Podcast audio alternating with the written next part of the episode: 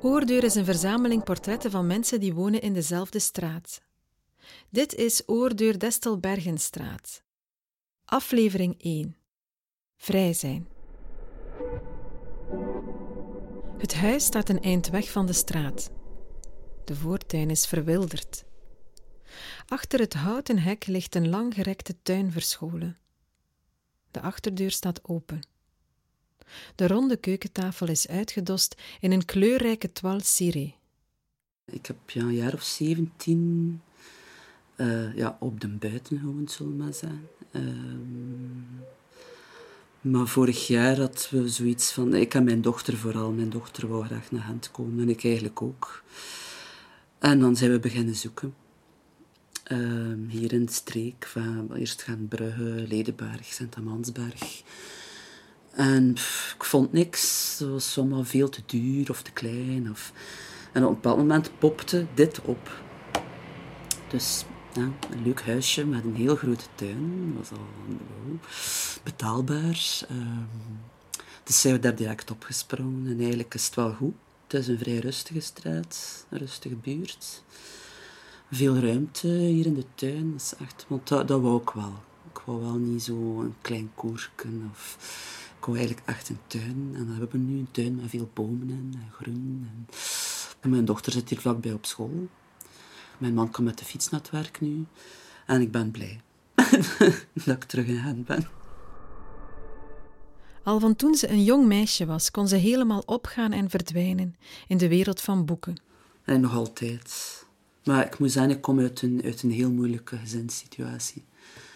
En uh, voor mij was lezen zo'n manier om ja, bij mezelf te zijn. We hadden ook een, een heel druk huis.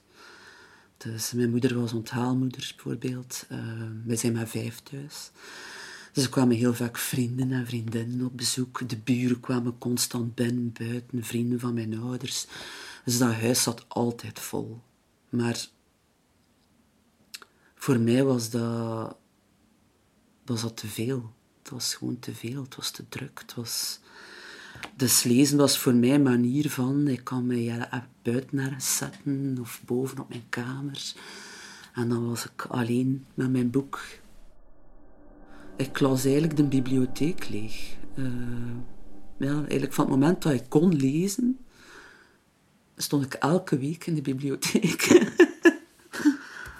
en op een duur was zo, we toen nog zo het oud systeem met een bibliothecaris en was dan nog zo met kaartjes die moesten ingevuld worden. En die, die liep dan soms mee met mij van, ja, misschien moet je dat boek een keer lezen of dat. Ja, maar ik lees nu eigenlijk uh, bijna uitsluitend de Engelse literatuur. Uh, ik ben nogal een anglofiel eigenlijk. Why Be Happy When You Could Be Normal is een boek dat haar erg heeft getroffen. Het is een autobiografisch werk van de Engelse auteur Jeanette Winterson. Zij is eigenlijk geadopteerd uh, en opgegroeid in een, uh, uh, een, een Pinkstergemeenschap, dus een heel extreme aftakking, dus ook evangelische kerk, dacht ik. En eigenlijk is zij geadopteerd door een vrouw die niet in staat is om moeder te zijn, die en ze wordt eigenlijk geadopteerd met de bedoeling om missionarisch werk te gaan doen later. Maar die vrouw behandelt haar heel koud. En, dus als kind is ze eigenlijk vooral bezig met, met werken voor die kerk. ook, uh, ze gaan ook constant overal staan om mensen te, te zoeken, om zich te laten bekeren en zo die dingen. Ze is daar heel actief in. Maar op een bepaald moment in haar leven voelt ze dat ze gevoelens heeft voor vrouwen. Dus als jong meisje heeft ze dan op een bepaald moment een relatie met een ander meisje dat ook in die kerk zit. En uh, ja, dat komt uit. Het is zelfs zo erg dat er dan een exorcist bijgehaald wordt. Dat zijn dingen die dus echt gebeurd zijn. En zo, ja, de, de manier waarop dat ze beschrijft en, en ja, dat heeft mij eigenlijk enorm gepakt. Zo. Dus uh, ja, ik had zoiets van wauw, allee. Verschillende zaken uit het boek resoneren met haar eigen leven. als ik zo denk aan, aan hechting bijvoorbeeld, dan ik heb ook een, een zware hechtingsproblematiek. Um, dat heeft ook te maken met mijn eigen ouders. Um, ja. Vind dat moeilijk om te zeggen, maar er is echt wel van alles fout gegaan. Um, ik had ook een heel koude moeder die ook nooit voor mij opkwam als er iets fout liep. Het probleem situeert zich vooral met mijn vader. Um, maar mijn moeder die is nooit opgekomen voor mij. Die heeft op een bepaald moment, allez, ik durf dat ook wel zijn, heeft hij ook gezegd dat hij mij nooit gewild heeft. Dus dat is heel hard.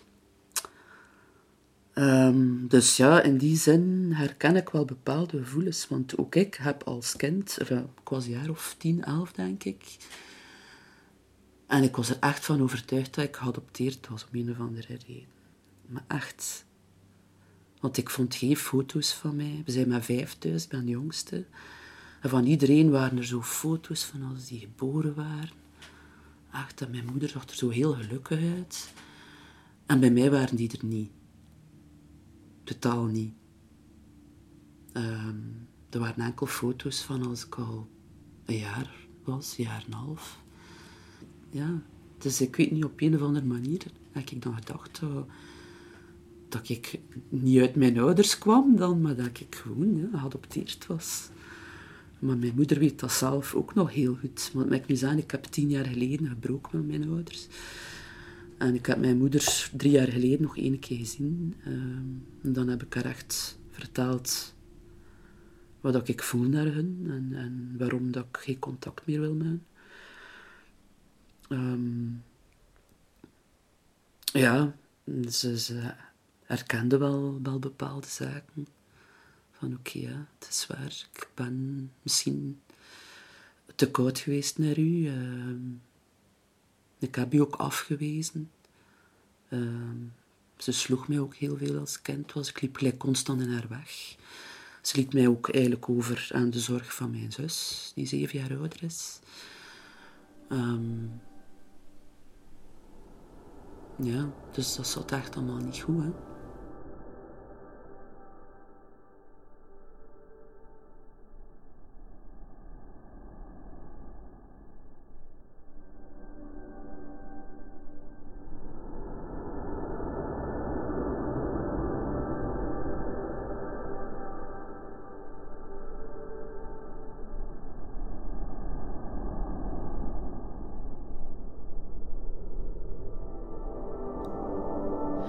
Ze ging het huis uit, startte zelf een gezin en zorgde voor een goed gevuld leven. Goh ja, eigenlijk was ik vroeger ook iemand die, die veel te veel bezig was met van alles. Uh, ja. Mijn tijd zat ook altijd vol. Met mijn werk, daarnaast sociaal leven, andere dingen. Um, maar eigenlijk is het pas Allee, ik, ben op een bepaald moment zwaar depressief geworden, gecrashed op mijn werk, op mijn werk zelf eigenlijk. Um, daarna ja, heb ik thuis gezeten. Dan heb ik nog verschillende kleine jobjes gedaan, onder andere het Museum van het Gislin, uh, in de crash gewerkt. Zo, uh, uh, ja. Maar ik voelde zo van, ja, het zit niet oké, ik ben moe, ik was altijd moe. Zo moe. En um, ik heb eigenlijk gemerkt dat er fysiek iets fout was toen ik zwanger was. Ik heb een uh, negen maanden echt pijn gehad, maar echt pijn. In mijn ledematen, alles deed pijn en ik was moe, kon niet slapen. Dus ja, toen dat ik moest bevallen was ik echt een wrak. Echt een wrak. En uh, daarna kwam dat niet goed. eigenlijk heb ik al anderhalf jaar erover gedaan om iets of wat te herstellen daarvan. Dat is heel moeilijk gegaan. Ik heb ook een postnatale depressie gehad. Gelukkig heel veel mensen die mij geholpen hebben. En dan, ja, merkte ik fysiek die pijn bleef. Die, dat was vooral spieren, gewrichten. En dan toch via de huisarts doorgestuurd naar Tuzet. Maar uiteindelijk is, de diagnose fibromyalgie geworden, uh, chronisch vermoeidheid. Um,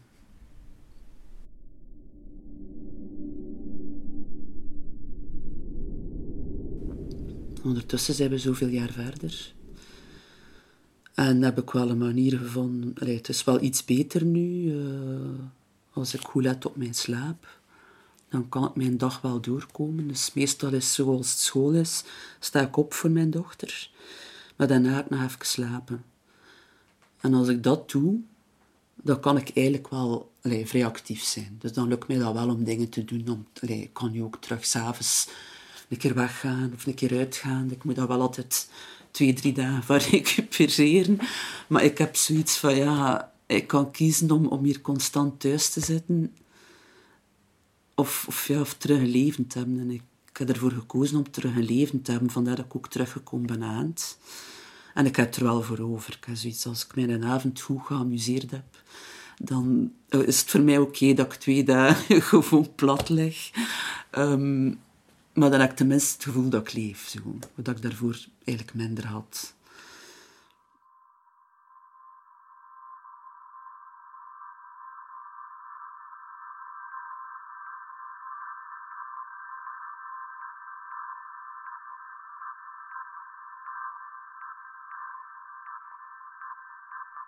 Vandaag is ze erachter dat haar chronische vermoeidheid samenhangt met de trauma's uit haar jeugd.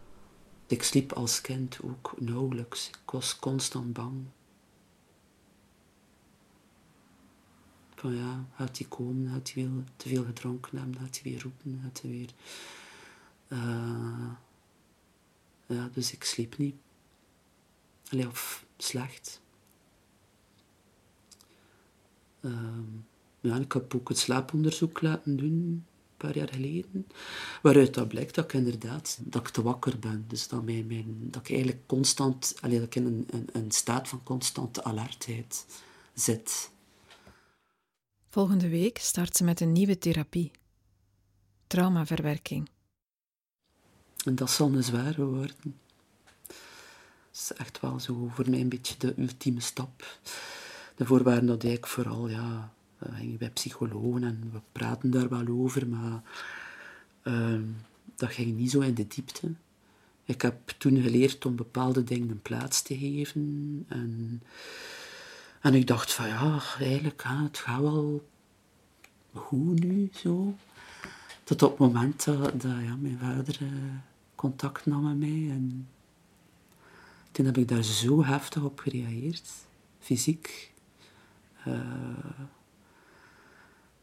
ja, dat was zwaar. Dus ik weet van ja, die, die laatste stap moet ik nu nog echt wel zetten. Ja, het is voor mij zo wel duidelijk van ik, wil u niet meer zien, ik wil u niet meer in mijn leven. Maar dan heb ik ook gevoeld van kijk, ja, uh, dat zit nog altijd niet goed. Dat zit daar nog altijd. En ik wil daardoor, ik wil, ik wil, ik wil daaruit. Dus, ja.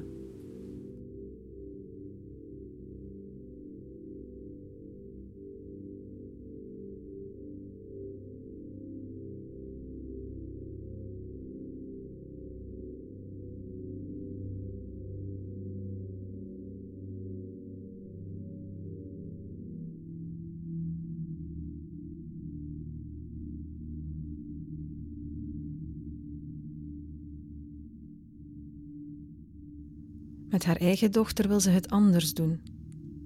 Ze wil vermijden om demonen door te geven aan de volgende generatie.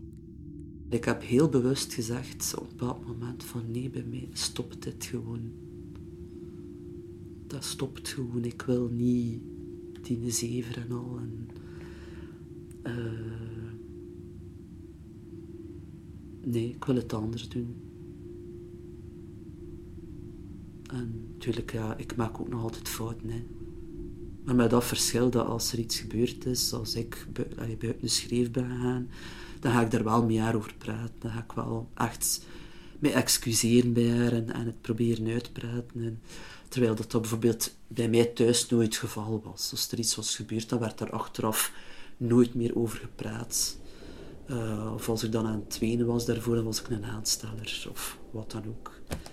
Um, of ik was niet sterk genoeg, ik was een slappeling. Maar nee, ik, uh, ik vind communicatie zeer belangrijk. En ook durven toegeven dat je ergens niet goed bezig werd of dat je fout zat, Karima.